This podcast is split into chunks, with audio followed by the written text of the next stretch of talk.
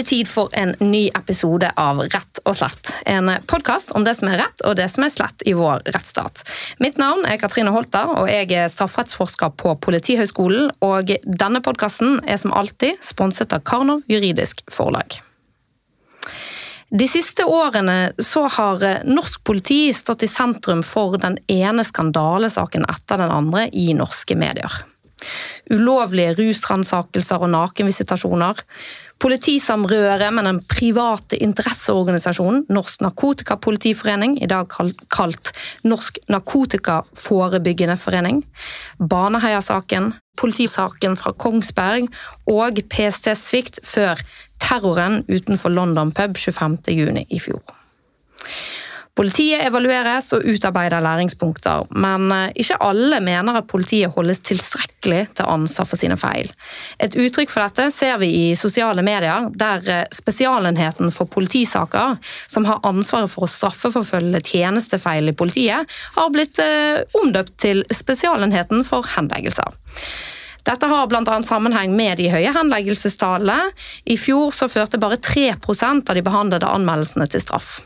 Her tror jeg da likevel det er viktig å ha med seg at politifolk får mange urettmessige anmeldelser mot seg òg. I dag så lurer jeg på hvordan politiet kan holdes ansvarlig på en best mulig måte.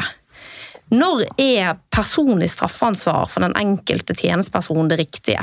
Og når bør man bruke andre kontrollmekanismer? Dagens første gjest er Liv Finstad. Hun er professor emerita i kriminologi. Hun har eh, forsket på politiet store deler av eh, sin karriere, og hun har sittet i en rekke offentlige utvalg og utredninger. Blant annet så ledet hun et utvalg om kontrollmekanismer for politiet, som leverte sin offentlige utredning i 2009. Velkommen til Rettslett. Takk skal du ha. Hvorfor er det viktig å holde politiet ansvarlig? Det er en helt eh, grunnleggende nødvendighet i eh, et samfunn eh, som bekjenner seg til demokrati og rettsstatsverdier, av to grunner. For det første at politiet har den eksklusive retten til å være eh, statens voldsmonopol, kan bruke fysisk makt overfor innbyggerne i fredstid. Og for det andre at politiet har rollen som døråpner til straffapparatet. Så derfor er det utrolig viktig at eh, det finnes kontrollmekanismer som kan eh, holde politiet ansvarlig, både som organisasjon og som enkeltansatte. Og dagens andre gjest er jusprofessor på Universitetet i Bergen. Han er en tydelig og uredd stemme i offentligheten, som ofte har en eh, kritisk holdning til maktinstitusjoner, bl.a. til politiet. Velkommen også til deg, Hans Fredrik Martinussen. Takk, takk. Hva vil du si? Hvorfor er det viktig at politiet holdes ansvarlig? Altså, jeg, jeg, pleier alltid å si at hvis det er noe man skal være redd for, og det passer godt med en introduksjon, så er det staten. Hvis vi ser på historien og hvem som utøver overgrep, eh, hvem det er man som innbygger virkelig må være redd for, så er det staten. Det er alle liksom, de store krisene, de store, altså, sånn helt fra liksom, det verste, sånn folkemord og krig, men også ned på et lavere nivå. Og i Norge, som jo stort sett er et godt land å leve i, eh, med, et, eh, med en velfungerende rettsstat, et liberalt, moderne demokrati, så tenker jeg at det, det store sånn, usikre momentet er jo hva gjør politiet? Er det godt nok regulert? Følger de de reglene som er? Og det er akkurat der det ligger. Liksom. At Hvis kontrollen med politiet blir for dårlig, og politiet får lov til å drive på på egen hånd, eh, så er det egentlig den største trusselen jeg tenker norske borgere kan møte i det daglige. Nettopp som Liv sier, fordi det er politiet som har voldsmonopolet. Eh, og det er de som håndhever eh, våre regler, vår strafferettspleie. Og det er jo enorme konsekvenser eh, potensielt for enkeltpersoner hvis det ikke går bra.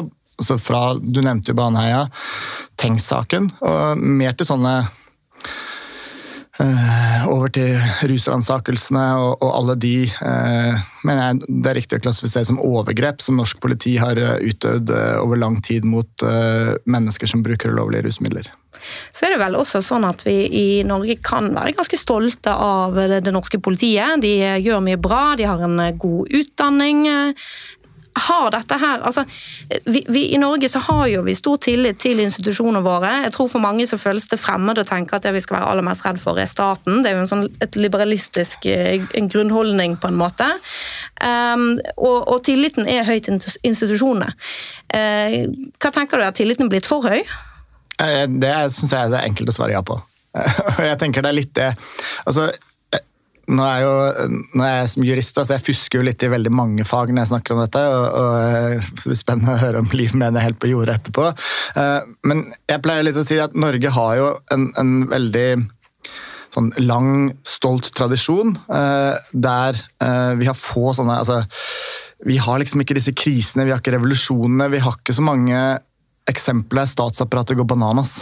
Eh, hvis du snakker med tyske jurister, så har de en helt annen holdning til kontroll eh, og, og, og sånn, det å overse staten, fordi han ikke så veldig langt tilbake, en veldig dyster historie der staten eh, gikk amok.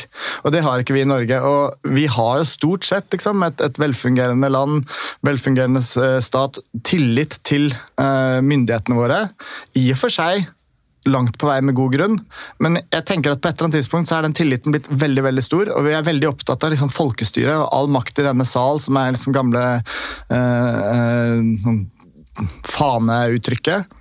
Eh, og at Stortinget skal bestemme, og at alt Stortinget gjør, er på en måte det ypperste og det beste vi kan ha. Som gjør at måte, mindretallsvernet ikke får så stor oppmerksomhet. Og at eh, det er litt den der at hvis ikke du har noe å skjule, så hva er du bekymret for? Eh, og veldig stor tillit til at landet fungerer riktig. Og jeg mener kanskje at den tilliten, i lys av de krisene vi har sett, er gått for langt. og at tillitskrisen i Norge egentlig er at vi har for stor tillit til staten og maktapparatet, og at eh, det hadde vært sunt eh, med litt mer kritisk sans eh, og, og, og kontroll. Vil du kommentere på dette? Ja, Mitt syn er at uh, tillit, enten det er til myndighetene generelt eller til politiet spesielt, tillit er et, uh, et gode. Fordi det uh, skaper en relasjon som gjør at konflikter kan være forebygget. Så tillit er et, er et gode. Samtidig så er det også slik, jeg ser det, at uh, tillit er jo en veldig skjør størrelse. Og derfor skal det jo ikke veldig mye til før det skjer noe med menneskers uh, tillit, enten til myndighetene generelt eller til politiet spesielt. Og det er derfor jeg uh, så lenge har vært opptatt av å rette oppmerksomheten mot forhold i politiet og ved politiet som er en trussel mot uh, tilliten, og som truer politiets legitimitet. Fordi jeg er av den mening at det er et grunnleggende gode å prøve å opprettholde det som jeg pleier å kalle for samarbeidsprosjektet mellom politi og publikum. Og Det er derfor vi trenger gode uh, kontrollmekanismer som bygger på åpenhet og uh, kvalitet kan man kanskje si det litt sånn at disse kontrollmekanismene og ansvarliggjøringen av politiet er eh, helt nødvendig for å sørge for at vi har en, en sunn tillit, at ikke det er en blind tillit? Ja, det vil jeg nok mene at eh, det er en forutsetning. Og hvis du ser på eh, historikken rundt eh, kontrollmekanismene for politiet, enten det er i Norge, Skandinavia eller mer internasjonalt, så ser du jo at i løpet av de siste 30-40 årene så har det gått eh, mer og mer i retning av å prøve ut og finne kontrollmekanismer som er uavhengig av politiet, og så kan eh, gjøre vurderinger, etterforskninger eh, og tiltak som, som, kan bidra til å bygge denne tilliten. Eh, og det interessante er jo, når du refererte til at på sosiale medier, eh, medier eh, Spesialenheten er omdøpt til eh, Spesialenheten for henleggelser. Så, så, er det faktisk veldig mye å si om, om denne henleggelsesprosenten. Og kort fortalt, så er det jo slik at sporet inntil Spesialenheten er svært grovmasket. Spesialenheten mottar mange saker som ikke handler om straffbar tjenesteutøvelse. Og eh, da sier det seg selv, i kombinasjon med at Spesialenheten må bygge på eh, anerkjent eh, rettspraksis og eh, på lovgivningen, så eh, skal Spesialenheten fremme saker for domstolen som Spesialenheten mener at de kan bevise. Sånn at jeg mener, ut fra min kjennskap både til kontrollmekanismene, Spesialenheten og politiet, at eh, det er helt feil å bruke eh, den høye henleggelsesprosenten som en indikator på at Spesialenheten ikke er en uavhengig institusjon. Det er veldig interessant. La oss da eh, snakke litt mer om Spesialenheten og hva dette organet egentlig er for noe. Vil du, vil du si litt om den liksom, organisatoriske innretningen på Spesialenheten? Hvilke funksjoner har de? Ja, det burde jo egentlig eksperten ved siden av meg si noe om, men jeg skjønner at vi må dele litt på det. Men altså, vi må jo ha Grunntanken er jo at vi skal ha en uavhengig enhet. Altså, før så var jo dette SEFO, heter det vel, som var en del av politiet. og Så kom jo denne reformen hvor Spesialenheten skulle løftes ut å være direkte underlagt Justisdepartementet for at vi skal ha en egen eh, ekstern enhet som skal granske politiet.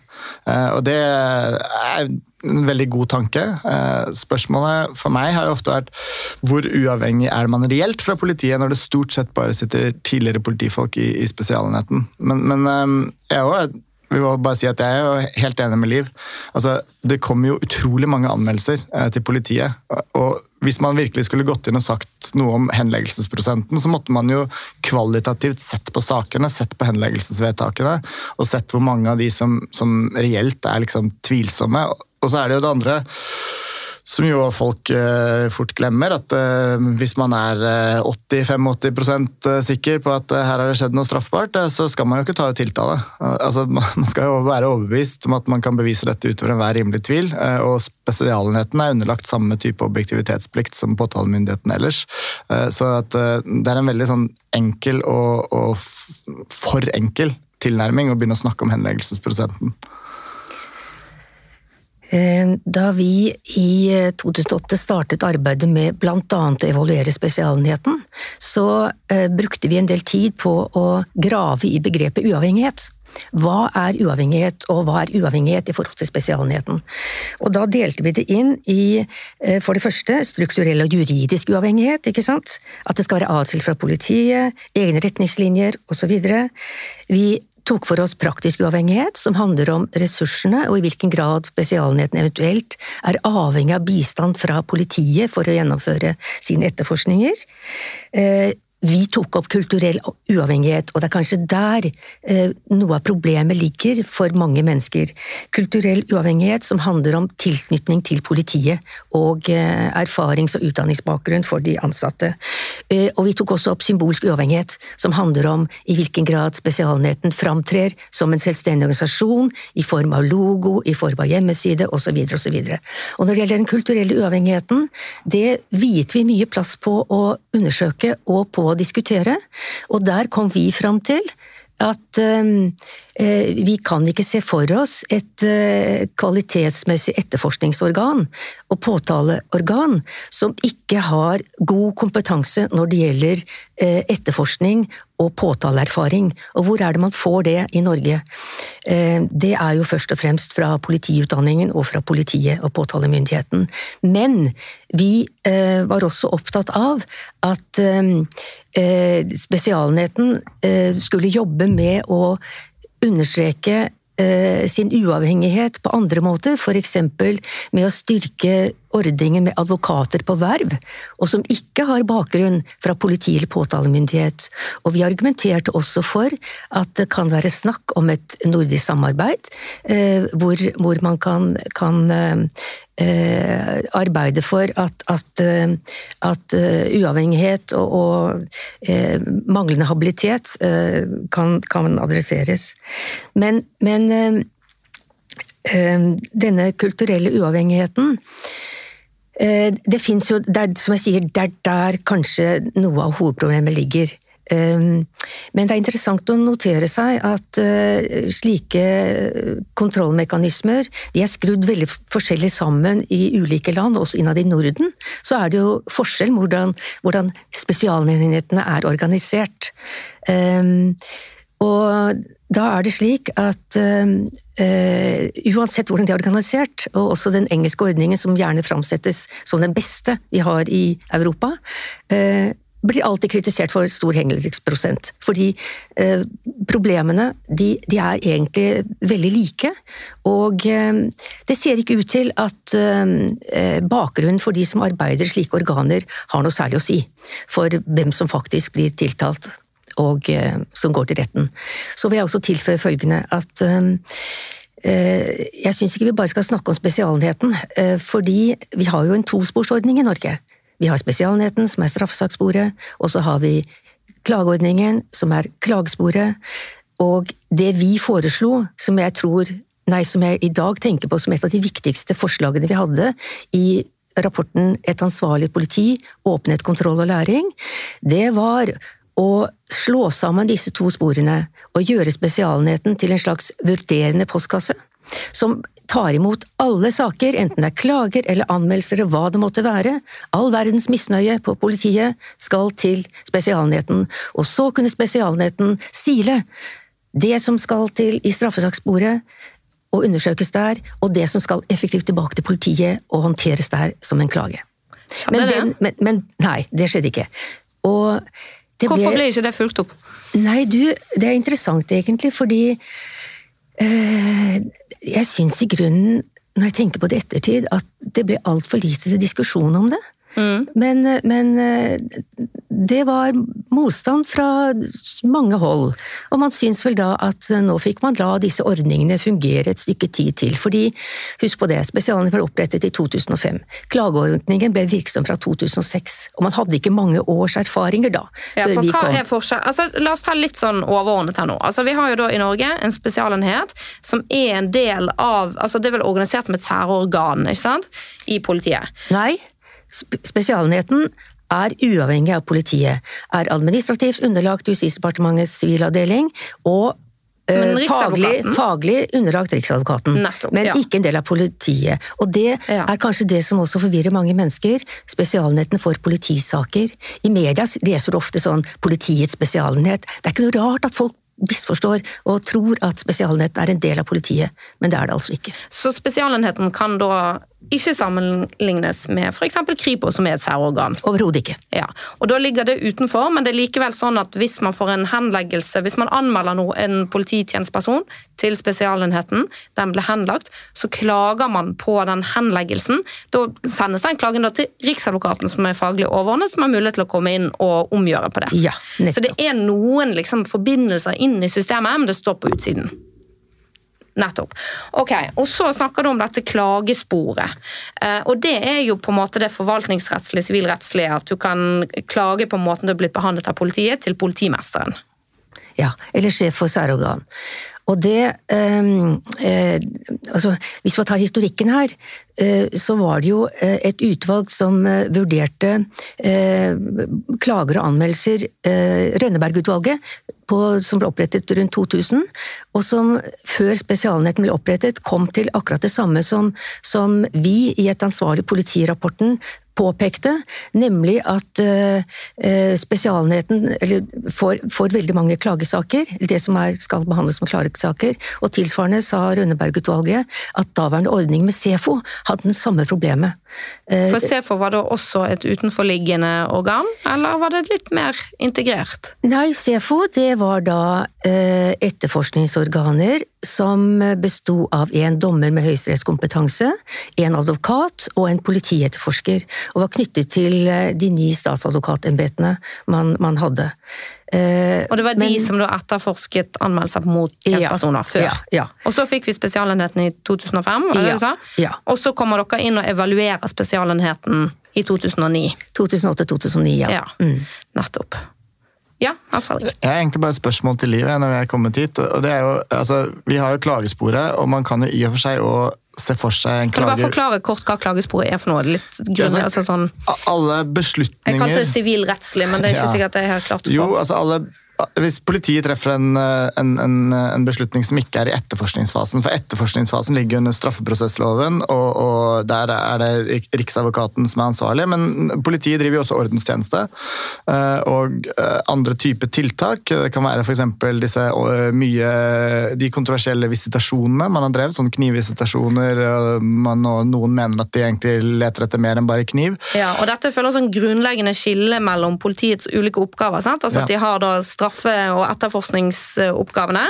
Når du skal forebygge straffbare handlinger og straffeforfølge straffbare handlinger.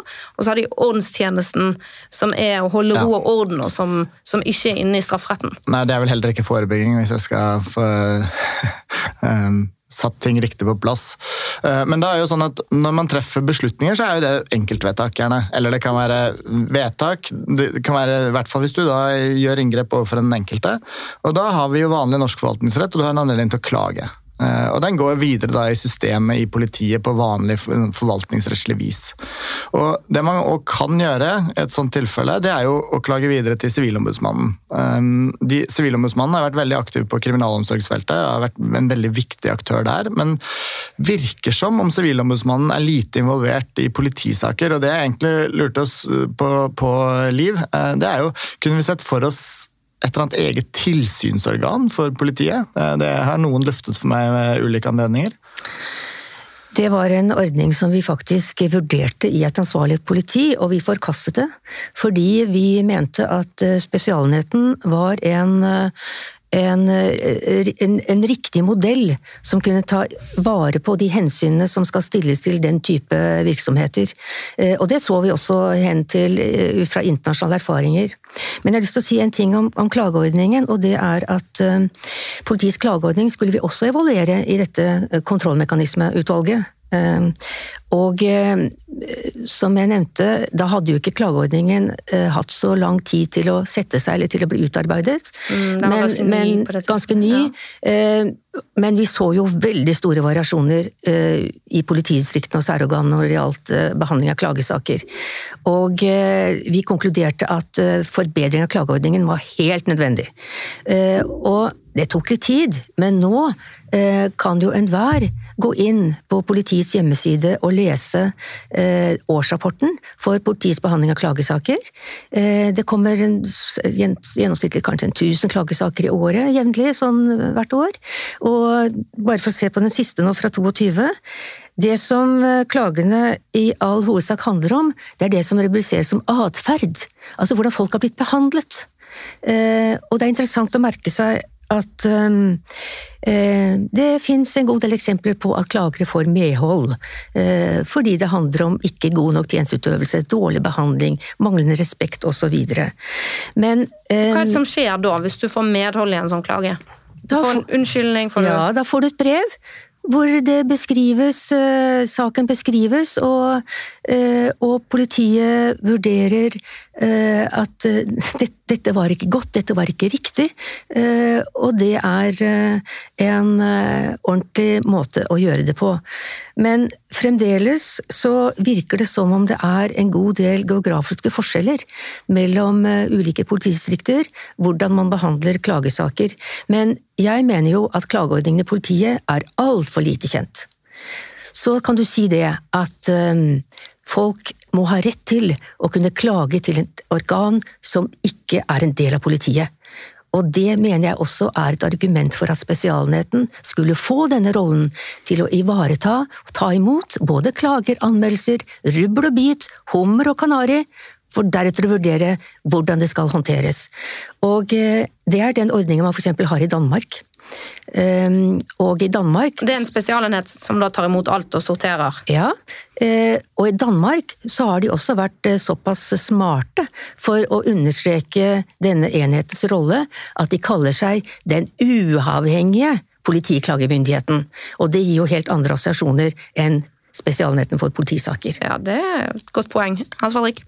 Ja, En ting jeg har lyst til å ta opp øh, nå som Liv er her, så jeg kan få kastet opp mine refleksjoner. Men jeg har noen tenkt, jeg er helt enig. Altså, det er veldig vanskelig å ha en spesialenhet uten et stort innslag av politifolk.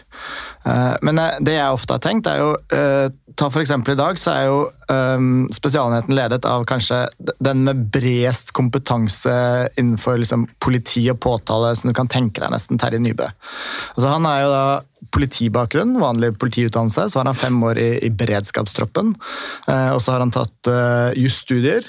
Og så senere vært både i påtalemyndighetene, altså hos Riksadvokaten, politimester i Asker og Bærum. Det er nesten det mest politiaktige du kan tenke deg. Altså, han har vært i alle deler av politiet, full oversikt over politiet.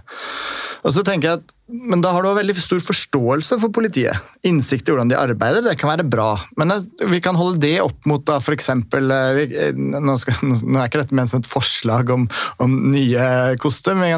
Du har en kollega som jeg kjenner godt, uh, som jeg har arbeidet med, Ingvild Bruse, for eksempel, som har da vært, uh, skrevet doktorgrad på politiet, på politiet sine tvangsmidler, altså skjulte tvangsmidler, og, og um, har vært lagdommer i mange år. Og som sånn sett aldri har vært inne i politiet. Og jeg ser kanskje for meg at vi har også liksom, Runar Torgersen hos Riksadvokaten, som også har akademisk bakgrunn og lang eh, erfaring fra, fra, påtale. Jeg tenker at Kanskje mer en sånn type person inngir mer tillit utad til å lede et sånt organ, selv om det må være liksom, politibakgrunn på etterforskningsnivå. Så tenker jeg at et større innslag både av uh, folk som har erfaring fra forsvareryrket, de har jo på en måte Politifolk skal jo ha rettssikkerhet, så du må ha noen i spesialenheten òg, men den rettssikkerhetsmessige ryggmargsrefleksen. Men forsvarerbakgrunn, noen flere, også, og kanskje særlig på ledelsesnivå, da, å ha noen som har en klarere uavhengighet fra politiet, det har jeg tenkt dels for å møte dette kulturproblemet som Liv snakket om, men også for det å, å skape inntrykket utad, at her har vi et uavhengig organ. Altså at det har noen med litt annen bakgrunn, i hvert fall helt på toppen. Ja, og Dette har jo vært et tema de senere åra. MDG har jo sammen med Venstre ønsket en uavhengig gransking av Spesialenheten pga. henleggelsestallet, men også pga.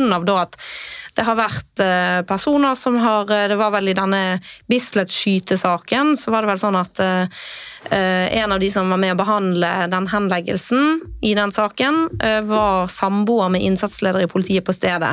Og Da mente man at det var for tette bånd mellom de som sitter og skal behandle anmeldelsene, med de politifolkene som eventuelt risikerer straff. Nå tror jeg at, at akkurat i denne Bislett-saken så var den henleggelsen helt riktig, gitt det som skjedde der. Men det er jo en, en, del av bildet her på dette kulturell uavhengighet, og, og, dette med at man da har eh, kommet med argumenter om at man bør ha ansatte i Spesialenheten som flere ansatte som ikke har bakgrunn fra politiet sjøl. Ja, eh, Spesialenheten har et eh, problem med omdømmet i mange folks øyne. Men eh, hvis man skal vurdere en spesialenhet, så bør man jo eh, først og fremst se på eh, deres praksis. Og eh, eh, da er det jo dessverre slik at kanskje de færreste leser Spesialenhetens årsmeldinger. Jeg tror også det er slik at de færreste leser leser de saksresumeene som blir lagt ut hver eneste uke. Altså I år er det faktisk ti år siden Spesialnetten begynte å offentliggjøre påtaleavgjørelser i absolutt alle saker. Slik at man kan gå inn og vurdere om man kan bruke sitt juridiske skjønn eller sitt eh, øvrige skjønn, eller hva det måtte være, på å se hvordan virker denne saken her. Ville jeg vært enig i dette, for eksempel. Eh, men det at det er nå ti år siden Spesialenheten begynte å eh, gjøre denne praksis med å offentliggjøre alle påtalevedtak, ja, dessverre blir vel ikke det akkurat slått opp som noen gladsak i, i nyhetsstrømmen. Sverdrik? Ja, det, for det, nå kommer vi til noe som jeg syns er, altså, som er veldig vanskelig eh, og krevende. Og det er nemlig at altså, jeg følger jo med tåler godt, og det kommer mye på Twitter. og Ofte så reagerer jeg på Spesialenheten sine henleggelser.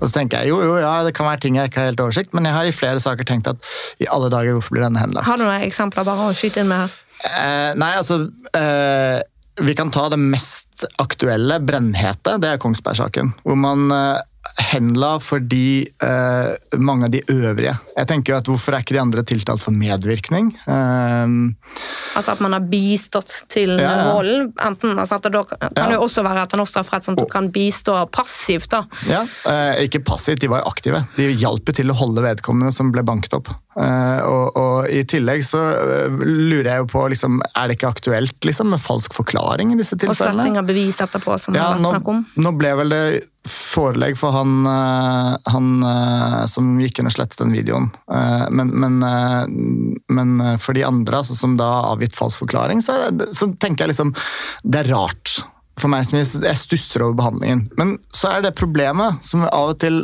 skjer, er at vi har saker hvor jeg tenker sånn Ja, her måtte det selvfølgelig tas ut tiltale. Vi kan ta den saken som en annen sak som har vært veldig mye i, i nyhetsbildet.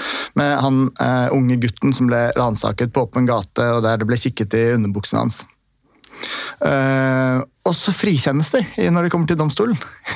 det, I den saken ble man dømt for at man ikke skrev rapport. Det, det fikk et forelegg i den saken, Men i den saken er de ransaket en gutt på åpen gate. Det ble kikket i bokseren, det ble et enormt styr, og Spesialenheten tok ut tiltale. Så endte det altså med frifinnelse. Og, og, det ser vi jo kanskje en annen sak som vi har på sakslisten i dag, om denne vaskehjelperansakingen nede i Agder, så, uh, som vært, var i Høyesterett nylig. Som da handler om en eh, politijurist som eh, litt, var litt overivrig på å sette i gang en rekke tvangsmidler ja. etter at en politikvinne Eh, mente at hennes bunadssølv var forsvunnet, og at det kunne være vaskehjelpen som hadde tatt det.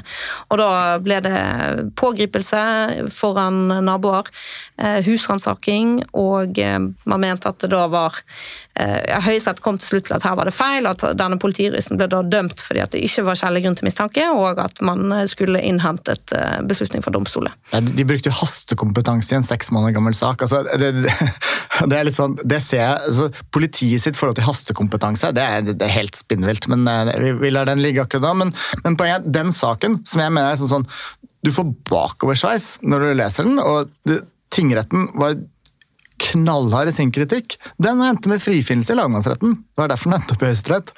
Sånn at det er et større problem her, og det er jo at hvordan skal Spesialenheten forholde seg til. Altså, de har jo objektivitetsplikt og skal ikke ta tiltale med mindre de eh, mener selv at, eh, at, grunnlaget er godt nok for å få en domfellelse.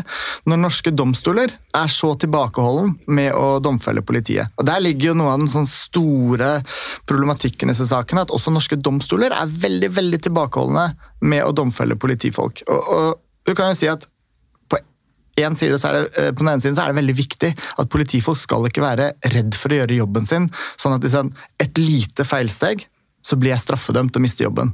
For vi, vi kan ikke ha politifolk som ikke gjør jobben sin ordentlig fordi de er så redd for å gjøre feil.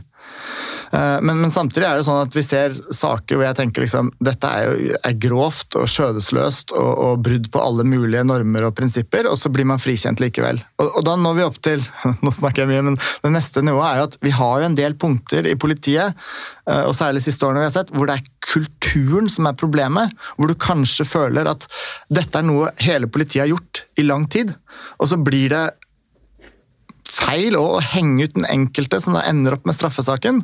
Men hvordan ellers skal du bli kvitt kulturen, hvis ikke du velger da å si at nå må vi slå ned på dette, og så må vi straffe de som nå ikke innretter seg etter, etter de tilstrammingene vi har fått på at politiet tross alt må følge reglene. Nå skal Liv få kommentere på dette, her, men du leder jo veldig godt opp til en større debatt om hvordan det finnes ulike måter å ansvarliggjøre politiet på, deriblant foretaksstraffen, altså at man går på eh, selve politidistriktet og ikke på den enkelte tjenesteperson. Liv?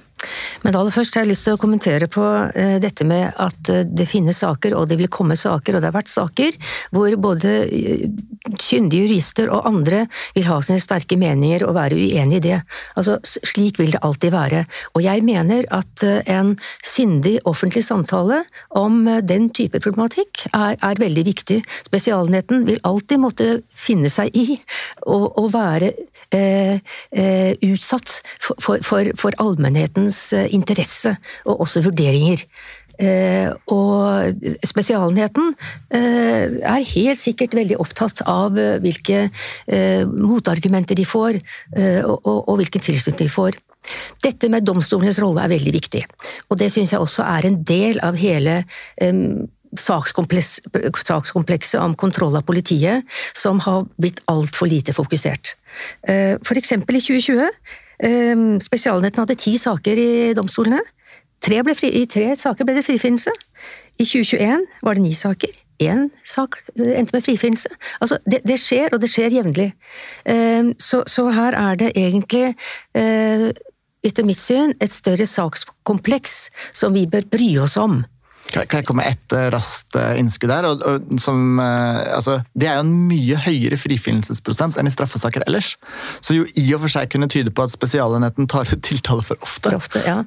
Samtidig så er det vel også mange av oss som mener at det er viktig at Spesialenheten også prøver grensene for det straffbare, og ikke bare eh, eventuelt skulle se på grensene som en type størknet naturforhold.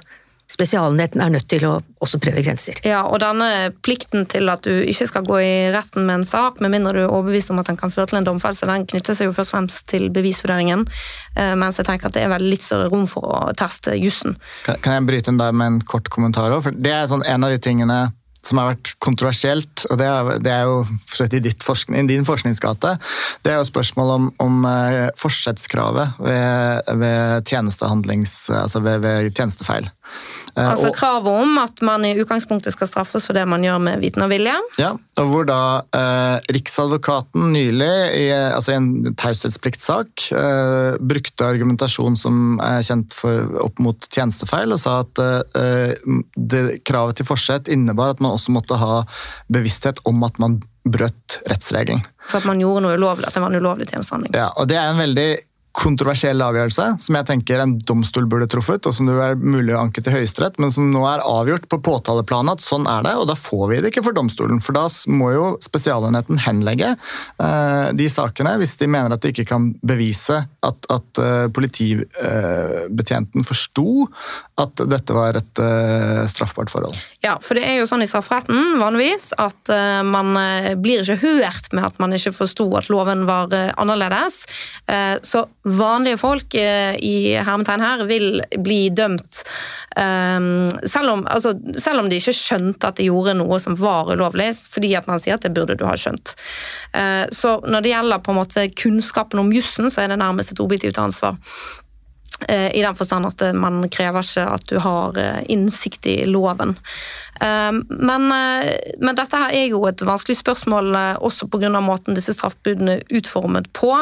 Og ehm, det finnes vel også andre straffebud som er utformet på sånn måte at man kan hevde at, eh, at du også må ha kunnskap om jussen i det. da. Vi skal ikke gå altfor mye mer inn i det, men nå er vi jo inne på dette med ansvarliggjøring, og at det finnes ulike måter å holde personer ansvarlig på. Og denne, dette personlige straffansvaret for enkelte polititjenestepersoner, det er én metode. Eh, jeg vet det er fagfolk som mener at politifolk de, de straffes mer enn andre tjenestepersoner. F.eks. Eh, er det ikke så vanlig å bruke straff hvis noen i barnevernet gjør en, en eh, alvorlig feil i sin yrkesutøvelse som får alvorlige konsekvenser for en familie. Og at sånn sett så kommer politiet dårligere ut enn en del andre yrkesgrupper. Og så er jo det alternativet dette her med foretaksstraffen.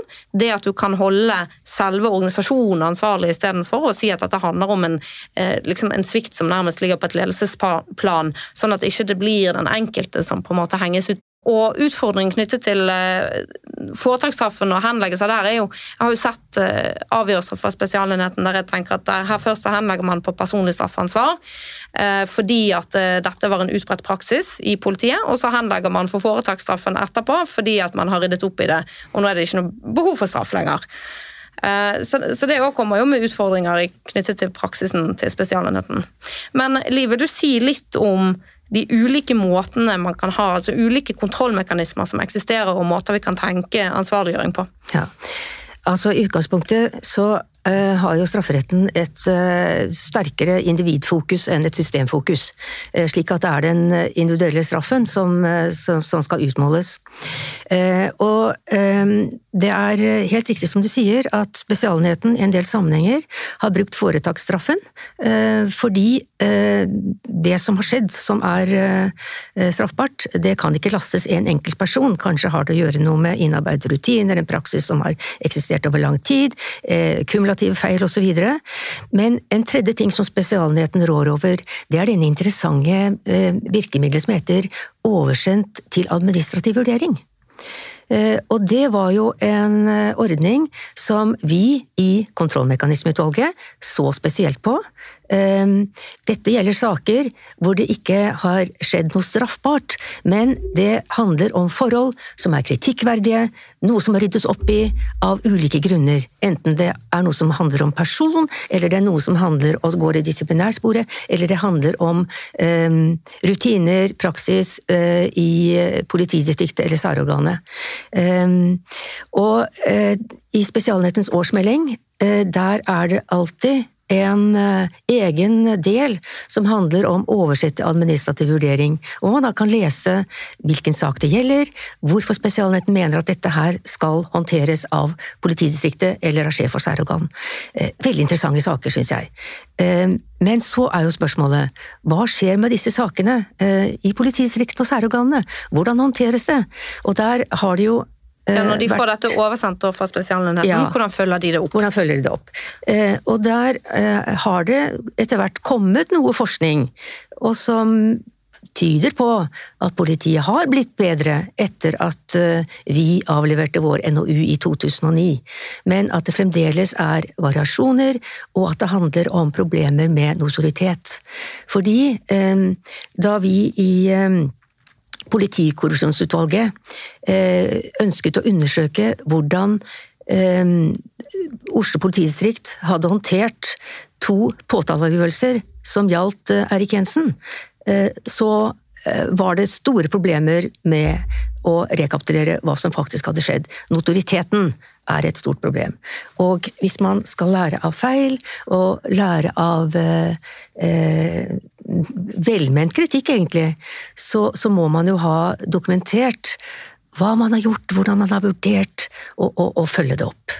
Mm. Så der mener jeg at eh, politiet har um, fremdeles uh, jobber å gjøre.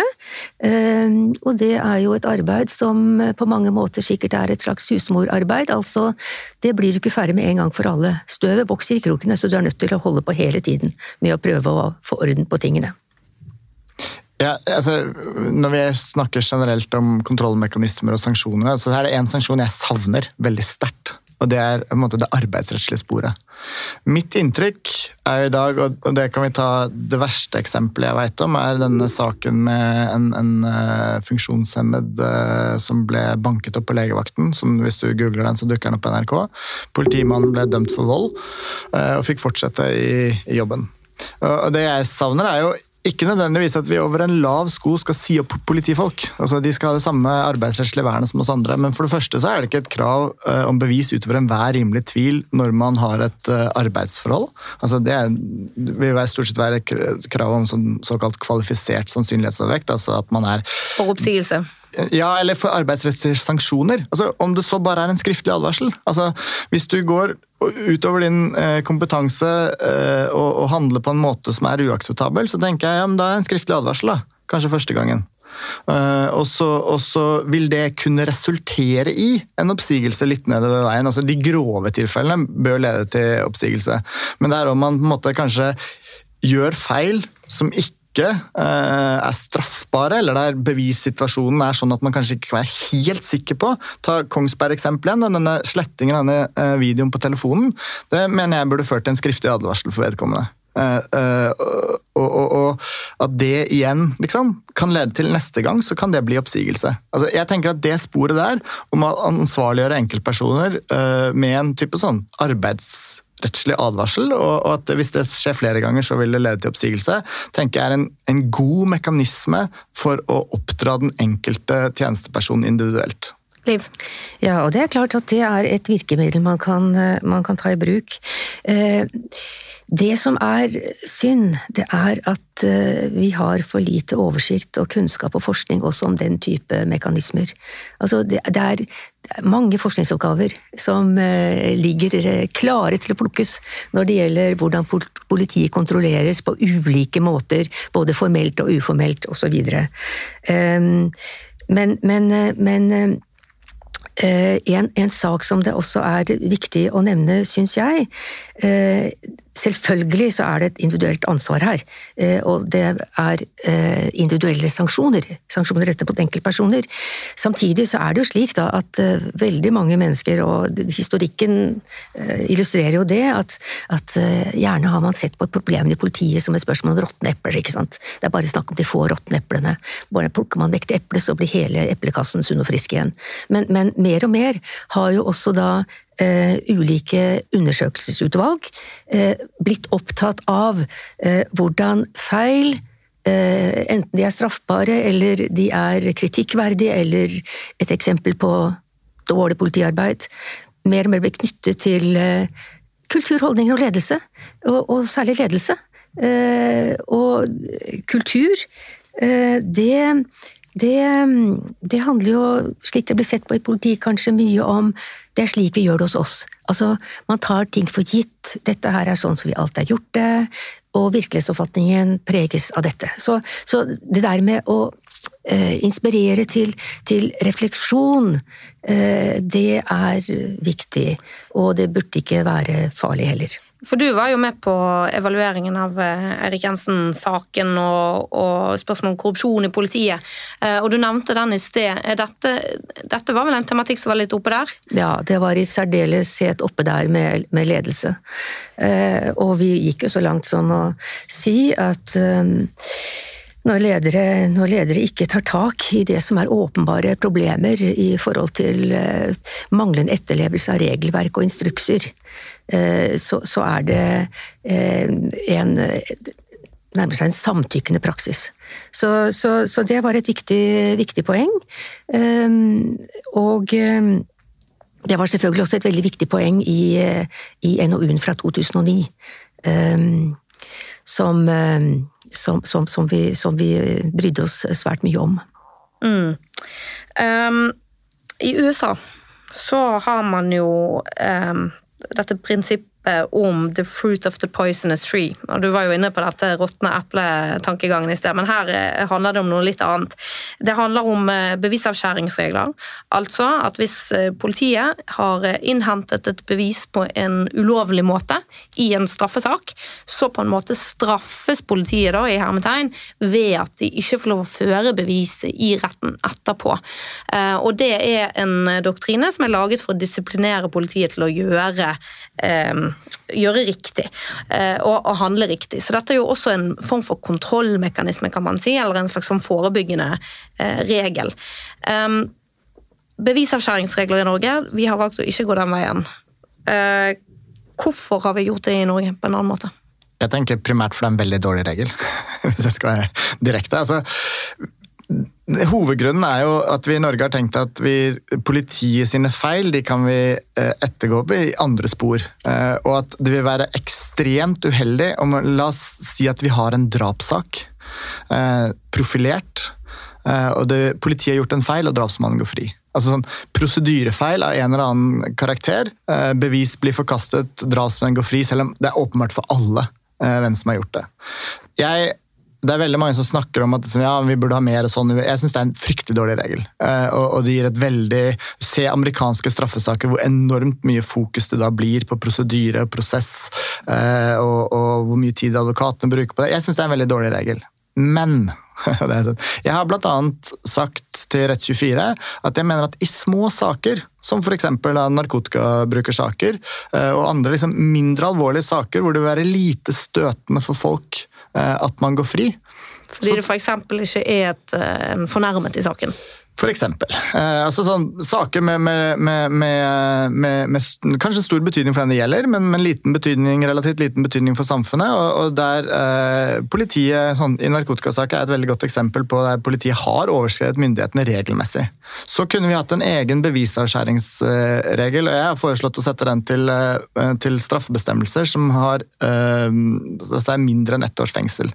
Eh, så et eller annet sted må man sette den grensen i det området, og si at eh, da vil vil uh, ulovlige handlinger fra politiet lede til at, at beviset forkastes. Uh, nå har jo det akkurat vært oppe i Høyesterett i, i spørsmål om sånn ulovlig ransaking, uh, og Høyesterett sa etter at lagmannsretten hadde forkastet beviset, så sa Høyesterett at nei, vi holder på vår vanlige regel. Så da må det et lovarbeid til. så den vanlige regelen i Norge er at alt tillates ført, med mindre med mindre det er en ny krenkelse. altså typisk sånn, du, Hvis du har fått tak i taushetsbelagte opplysninger, så kan ikke du legge de fram en gang til i retten, gjerne. Um, men, men um, Det skal det ganske med, mye til å komme inn i det unntaket. Det skal mye til. Uh, uh, sånn at, uh, men det jeg tenker at det kunne vært en bra måte å disiplinere politiet i mindre alvorlige saker. Fordi det gir en, en bedre balanse der, da, uh, som heller ikke leder til støtende resultater. Men dette med bevisavskjæringsregler, det er jo også ulovfestet rett. Altså at det ikke, har ikke blitt utformet eh, lovbestemmelser, men det er utviklet gjennom rettspraksis.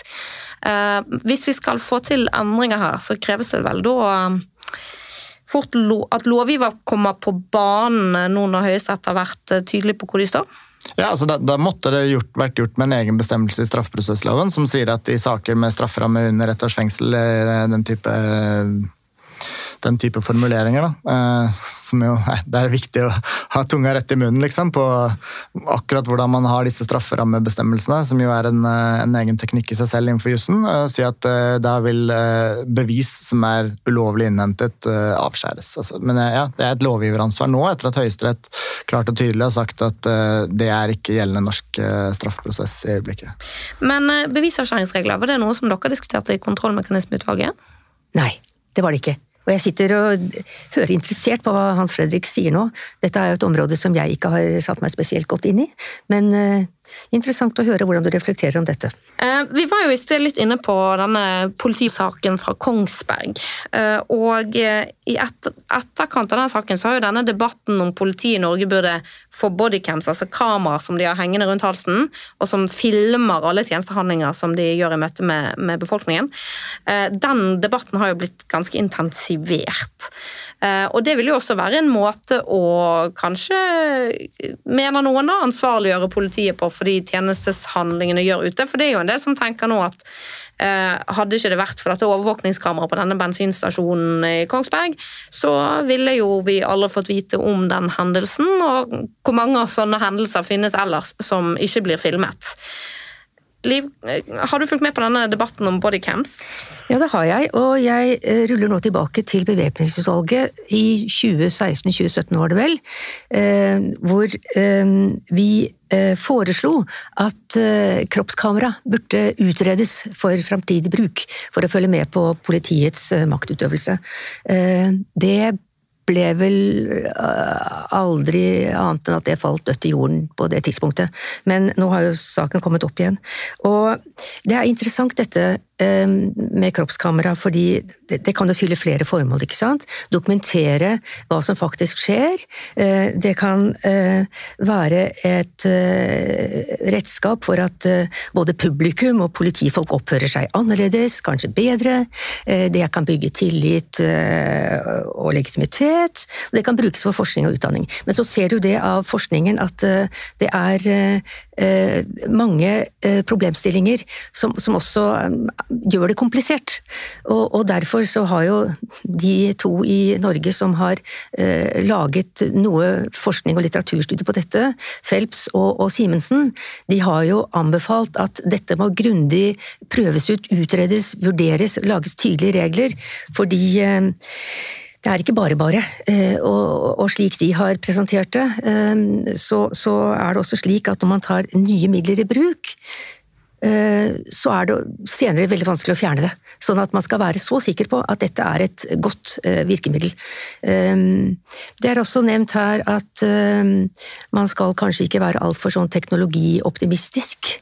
Men, men jeg syns det er interessant og så viktig at man kan teste ut og se om dette er noe som kan fungere i norsk sammenheng.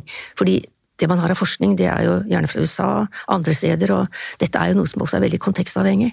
Så, så vi er nødt til å ha noen uh, norske undersøkelser på dette området her. Og så har det jo vært uh, noen motargumenter mot dette også, annet uh, personvernhensyn. Altså at dette vil jo filme veldig mange mennesker, i, kanskje i sårbare situasjoner og sånn.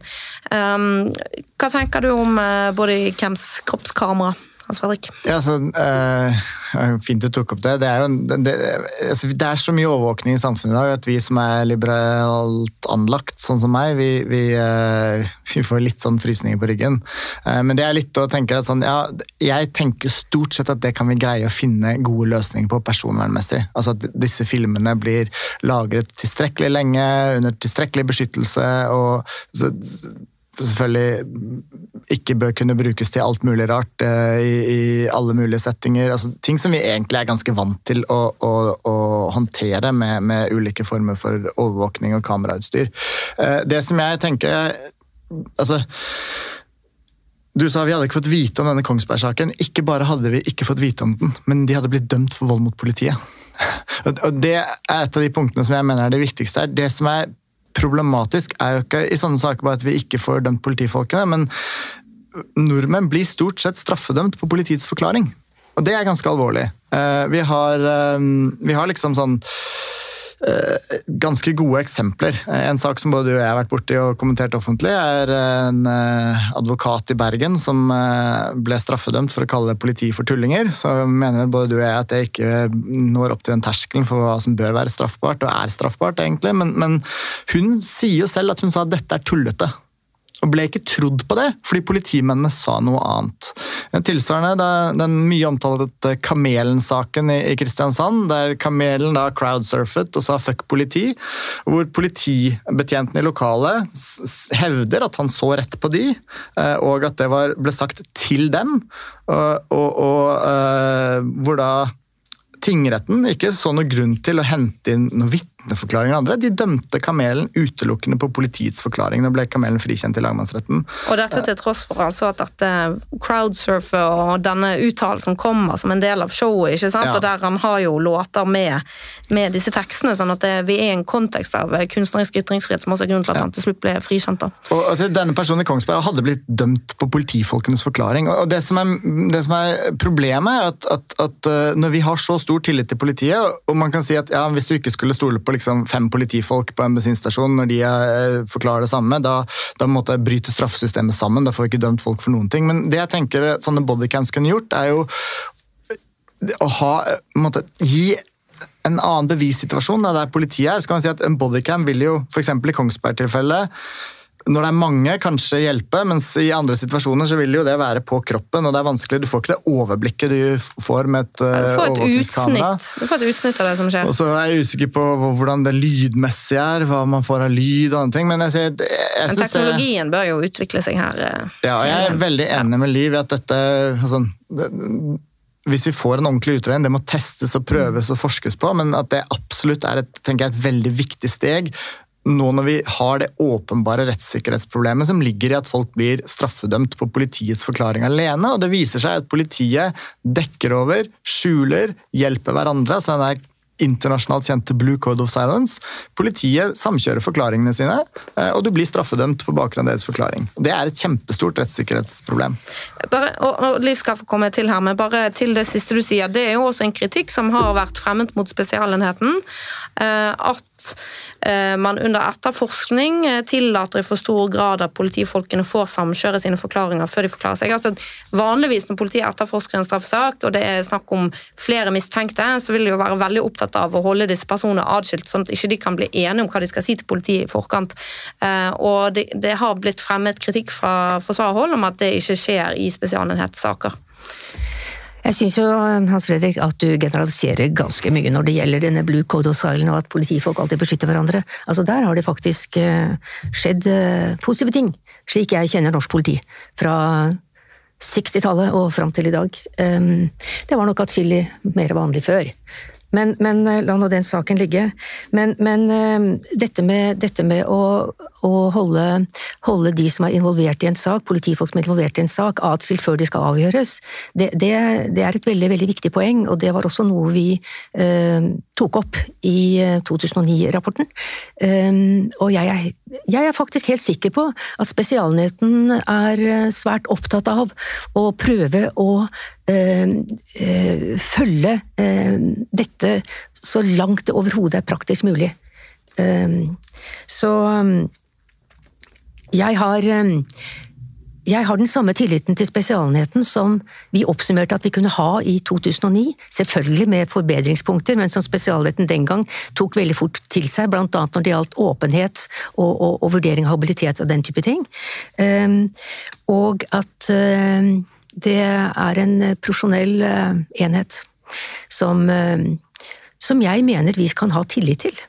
Ja, så, så ditt ståsted er at uh, for fremtiden, altså hvis du skulle være i en idealverden, da, ville du fortsatt med spesialenheten i dag, men med visse justeringer, eller ville du bygget et helt nytt system? Nei, jeg ville fortsatt med spesialenheten i dag. Eh, nå er det jo ikke så lenge til spesialenheten runder 20 år. Eh, og eh, jeg mener det er en bra konstruksjon. Eh, og som jeg sier, spesialenhetens eh, rolle og virksomhet må jo vurderes ut fra praksis. Eh, og det er klart, praksis den er jo noe som må vurderes kontinuerlig. Og, og, her er det jo også sånn at, at både forsker, forskere og forskning og media har jo også en kontrollfunksjon opp mot politiet og også mot Spesialenheten. Så dette her vil jo være eh, forhold, saker, som, som, kommer til å bli satt uh, i et søkelys, og et kritisk søkelys. Og eh, det er uh, viktig materiale uh, som kan bringe arbeidet framover, mener jeg. Hans Fredrik, hvis du i en ideell verden får lov å bestemme systemet for kontrollmekanismer for det norske politiet, hvordan syns du det skulle være? Vil du fortsatt ha Spesialenheten? Altså, vi, vi, må jo ha en uavhengig enhet. Det er liksom vanskelig å komme utenom. det var alternativet en enhet i politiet. så, så, denne uavhengige enheten, som er underlagt av Riksadvokat og Justisdepartementet, syns jeg er veldig bra. Så det jeg har sagt, er at jeg tenker at vi må kanskje se på noen justeringer i hvordan den blir satt sammen. Um, og ikke sånn kaste om kull på alt, men f.eks. kanskje hatt en leder som er, har en mer uavhengig bakgrunn fra politiet. Og, og litt flere, altså Prøve å få inn litt flere da, som bryter opp eh, noe av liksom, inntrykket av at dette er en, en, en, enhet som har en veldig stort innslag av, av folk med politibakgrunn. Jeg tenker at det, det er justeringer, eh, eventuelt. Liv?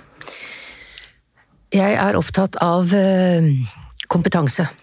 Og eh, også bl.a. at en leder skal eh, ha den eh, kompetansen og forutsetningen som, handler om å drive organisasjonsutvikling, forholde seg til hva som, skjer i omlandet, og, håndtere dette både eksternt og internt. Og jeg ser ingen problemer med at en leder av Spesialenheten har den bakgrunnen som f.eks. nåværende leder har, som jeg mener er en aldeles utmerket leder for Spesialenheten.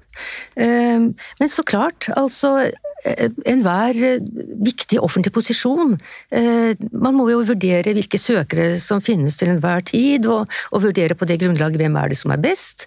Og det kan være mange aktuelle både her og der, tenker jeg. Men men eh, jeg syns det er interessant at både du og jeg vi, vi, vi, vi syns da at spesialenheten skal bestå. Eh, det er ikke grunn til å komme med noe helt nytt eh, og omkalfatrende, men heller snakke om, om, justeringer. Jeg må si at det er veldig interessant den, altså den danske vinklingen du hadde, og at, at spesialenheten liksom får et større klagebehandlingsansvar. Eh, fordi det kan jo gi spesialenheten mye større grunnlag for å være, drive kritisk. Og det å venne seg til også å, å se liksom mer i detalj, ikke bare si at ja, ok, dette var kanskje kritikkverdig, men det er ikke straffbart. Men nå måtte mm. si at dette er ulovlig. Uh, og, det, og dette, dette, kan ikke fortsette, og dette må, må vi ha en slutt på. Ja. Jeg tenker at eh, det er faktisk ganske viktig om noen nå kunne ta opp den gamle ideen vår om å prøve å lage ett spor inn. Men eh, samtidig argumenterte vi ganske kraftfullt i eh, NOU-en i 2009 om at eh, det er politiets arbeidsgiveransvar som, som, som, skal, eh, som fører til at politiet må behandle klagesaker. Det er det rette sporet. Også eh, mente vi, og, der, og det mener jeg fremdeles. Men, men, men i det engelske systemet så, så, er det også da et spor inn, men, men der driver jo den engelske ordningen og sluser saker effektivt tilbake til politiet, som selv da skal behandle klagesaker straffesaker. Og faktisk ikke bare det, men, men der har jo politiet etter hvert også fått en litt større rolle i å, i å drive noen etterforskninger. Men, men, eh, men ett spor inn til Spesialenheten, det tror jeg ville skapt eh, mye større ryddighet. Også fordi eh, vi oppdaget at den gangen, og slik tror jeg det fremdeles er, at politiet oversender ganske mange saker til Spesialenheten. De får jo klager, og de får saker fra publikum, ikke sant, eh, og skal vurdere pretensjon. Og hvis det kan handle om straffbart forhold, så skal det over til Spesialenheten. Vi oppsummerte at det ser ut til å være en frykt i politisystemet for ikke å sende over mange nok saker, fordi politiet kan ikke leve med å bli bestilt for å beskytte sine egne, så heller sende over mer enn mindre.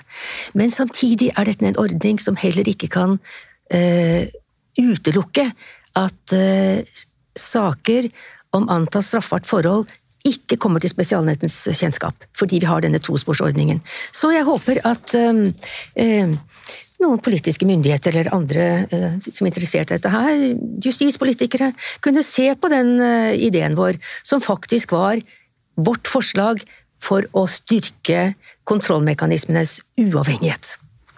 Ja, jeg vil bare legge til at Innenfor det eksisterende systemet så er det jo noen muligheter som kanskje ikke blir brukt nok. og Det, det må jo både måtte, folk gjøres kjent med, eh, og de organene må kanskje å, å vise en større vilje til å, å, prioritere den type saker. Da tenker jeg særlig på Sivilombudet, som vil være tenker jeg, Hvis du har vært utsatt for en eller annen tjenestehandling. Du mener, eh, du mener ikke er grei, og du klager til politiet, og politiet gir avslag, eller eventuelt bare ser, sier at jo, kanskje er kritikkverdig og du får en unnskyldning, men det går jo an også å, å løfte altså Sivilombudet har gjort som jeg har sagt, store undersøkelser i kriminalomsorgen, og det får, saker inn der, og kanskje at Sivilombudet i den perioden nå hvor det er en viss tillitskrise i politiet, velger å prioritere å se på politisaker. Det er ett spor som, som, kan benyttes i dag, og som vi kan oppfordre folk til å benytte oftere. Og Det andre er jo statens sivilrettsforvaltning og krav om erstatning. Og Det tenker jeg, det bør folk være bevisst på. Nå har vi disse uh, ransakingstilfellene hvor uh, det har blitt tilkjent erstatning for folk som har vært utsatt for ulovlige ransakinger. Nå fikk jeg beskjed om i går at uh, den uh, har lagt seg på en sånn linje at de som uh, at der, der, det er mer enn tre år, så er sakene foreldet. Fordi du burde visst da, kjent til skaden og den ansvarlige etter foreldelsesloven § 9, som det heter, tidligere. før da politiet selv var klar over at dette var ulovlig. Det syns jeg er ganske spenstig, men, men at vi oppfordre folk til, de som hører på nå, eh, å spre det. Vet, få saker inn, krev erstatning eh, via sivilrettsforvaltningssporet. Bruk Sivilombudet. Eh, bruk de kanalene som er tilgjengelig. Det, det, det er i hvert fall det vi har i dag, da, som, som er mulig å forbedre innenfor systemet, uten at vi gjør reformer. Vi har i dag snakket mye om kontrollmekanismer og hvordan vi skal holde politiet ansvarlig. Det er viktig å minne om avslutningsvis at vi har et eh, etter mitt syn, veldig godt politi i Norge som vi kan være stolte av, men de er ikke feilfrie, og det er viktig å holde de ansvarlig eh, på ulike måter for å få et så godt politi som mulig. Vi må aldri gi slipp på visjonen om et enda bedre politi. Eh, da har vi kommet til den avsluttende spalten, og eh, jeg lurer på om dere, mine gjester, vil fremheve noe som dere synes er rett eller slett i vår rettsstat. Og da kan eh, Ja, Liv, du kan få begynne. Ok, da vil jeg si at eh, det som er rett, det er at vi har et ikke-korrupt rettsvesen. Vi har et godt rettsvesen i alle sine ledd. Men uriktige domfellelser skjer, og da er det slett. Men det er rett at det finnes muligheter for å anke, og at det finnes en gjenopptakskommisjon, og at det finnes mekanismer som kan få dette fram. Eh, slett. Jeg er litt bekymret for eh, politiets eh, manglende kompetanse på landsbasis når det gjelder etterforskning av voldtektssaker. Eh, rett. Det ser ut til at Politidirektoratet og andre politimyndigheter er opptatt av den problematikken, så kanskje det kommer til å skje helt nødvendige forbedringer der også. Hans Fredrik? Hvis jeg kan ta to ting. altså rett, Jeg mener jo bare det at vi sitter her og har denne debatten, og fordi det er en debatt i samfunnet, er en, en, en bra ting. Altså Jeg er ganske optimistisk med tanke på hvor norsk politi kommer til å være om 10-15 år. Jeg synes Det har skjedd utrolig mye på kort tid. Eh, og, og det var som, som eh, det var, jeg, jeg, har ikke greid å finne igjen. Jeg leste et brev fra eh, politimesteren i Oslo til POD, hvor det sto liksom ja, vi politi Politidirektoratet, POD. Ja. ja hvor vi, så, vi i politiet må bli flinkere til å være opptatt av hjemmelsgrunnlag. Ikke sånn vi skal løse et problem, da, vi, har alle, vi har alle virkemidler til, tilgjengelig, men liksom, ja, men dette er, hva er politiloven paragraf 6, paragraf 7, hvilke virkemidler har vi? Og vi skal være opptatt av hjemmel. Og litt som Statsadvokaten i Rogaland skrev til Riksadvokaten med disse narkotikaundersøkelsene at vi har blandet sammen liksom, det strafferettslige alvoret uh, med, med liksom, onde og problemet som narkotika gjør på, på, samfunnsnivå, og derfor har vi gjort feil. Så Den type selvransakelse som vi har sett, uh, og den offentlige debatten som er, og så mye politiet allerede har beveget seg på kort tid, det syns jeg er bra. Og, og mange oppfatter meg sikkert som veldig negativ, men jeg er optimistisk på hvor norsk politi kommer til å være om, om ti år. Og tror vi kommer til å ha et mye bedre politi da. Ikke nødvendigvis at det betyr at politiet er veldig dårlig i dag. Får Liv lov å skyte inn noe før det går over på slett? Ja. Ja, jeg, eh, jeg, er optimistisk, eh, og hyggelig å høre at du også er det. Eh, jeg er faktisk ganske optimistisk i dag. Og en ting jeg syns også er ganske interessant, det er at når vi hører politiledere, politidirektører og andre stå fram og forholde seg til granskingsrapporter med uttrykket 'dette tar vi på største alvor', da skal vi stole på dem, for det gjør de. Men det som kanskje politiledere kunne gjøre mer, det er jo å være offentlig om hvordan de faktisk følger opp internt. Eh, ikke alltid at nødvendigvis det kan sies her og nå, fordi det er noe som må kanskje bearbeides og justeres og utvikles, men, men åpenhet om hva politiet faktisk gjør for å bli bedre, det er utrolig viktig. Jeg opplever jo, kan legge til at politietaten er jo veldig altså, De har et stort fokus på, mm. på, læring. da, Disse læringspunktene er på en måte sentralt. og det, det er litt sånn Man kan le litt av det, å ja, man skal ha læringspunkter igjen, liksom. Men eh, det er faktisk utrolig viktig å ha det fokuset. og Det er kanskje noe som har, man har vært enda bedre på i politidelen av politiet enn i påtaledelen av politiet. Så Det ser man bl.a. Eh, knyttet til dette med avhørsteknikker som har vært utviklet over tid. da. Men uh, Hans Fredrik, du ble kuppet her. Ja, det leder meg rett over til det som jeg syns er slett. Og det handler om ansvar uh, på toppen. Og det er sånn, Ta næringslivet, liksom. Går det dårlig, så må lederen gå. Ta sånn, det mest utsatte yrket av alle i hele verden. Jeg, jeg, mener ikke at alt skal bli det. Fotballtrener. Hvis resultatene er dårlige, så må det gå.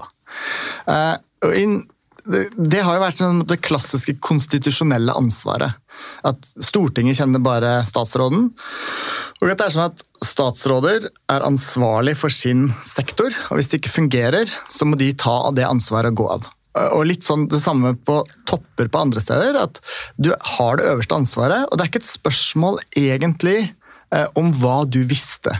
Eh, og, og og sier liksom, ja, dette kunne jeg ikke gjort noe med, dette visste jeg ikke, jeg fikk ikke beskjeden. Du har et ansvar for organisasjonen. Og Hele poenget der er at, at, topplederen skal ha et insentiv til å kjenne til absolutt alt som skjer i organisasjonen, eller ha systemer på plass, sånn at ikke skandaler skjer. Og når vi nå har hatt så mange grove skandale. Vi har ikke snakket om, om eh, liksom PST og Pride, og, og der tilfeldigvis og politidirektøren jo var leder svært lenge. Jeg tenker at Med det vi har vært gjennom nå, at både justisministeren og politidirektøren tilsynelatende sitter trygt etter alt som har skjedd, det syns jeg er slett. Det syns jeg er svært bekymringsfullt. Eh, ikke nødvendigvis fordi uh, man kan, trenger å gå inn og si at ja, Bjørnland eller Mehl kunne hindret A, B, C, D, E, F men fordi det er deres ansvar at det fungerer. Og når det ikke fungerer, så bør norske liksom, grunnkonstitusjonelle ordningen være at da må statsråden gå, eventuelt også politidirektøren. Mm, at det er deres ansvar, selv om det ikke nødvendigvis er deres feil. Ja, Du må skille mellom ansvar og skyld. Og Da vil jo dette her være en eh, debatt også mellom oss, Hans Fredrik. Og jeg vil si at eh, det at Politidirektøren skal politidirektør skal sitte, det er rett. Fordi det enkleste i verden, det er å fjerne en leder på det nivået.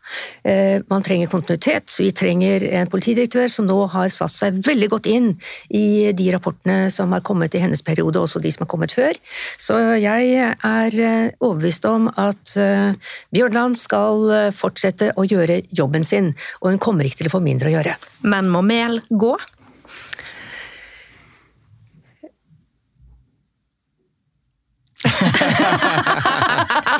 Vi lar stillheten eh, få være det siste ordet, holdt jeg på å si. Eh, tusen takk til gjestene mine her i studio for at dere var med. Liv Finstad, professor eh, emerita, og jusprofessor Hans Fredrik Martinussen. Tusen takk til dere som har hørt på helt til veis ende. Det var det vi hadde for denne gangen. Takk for i dag.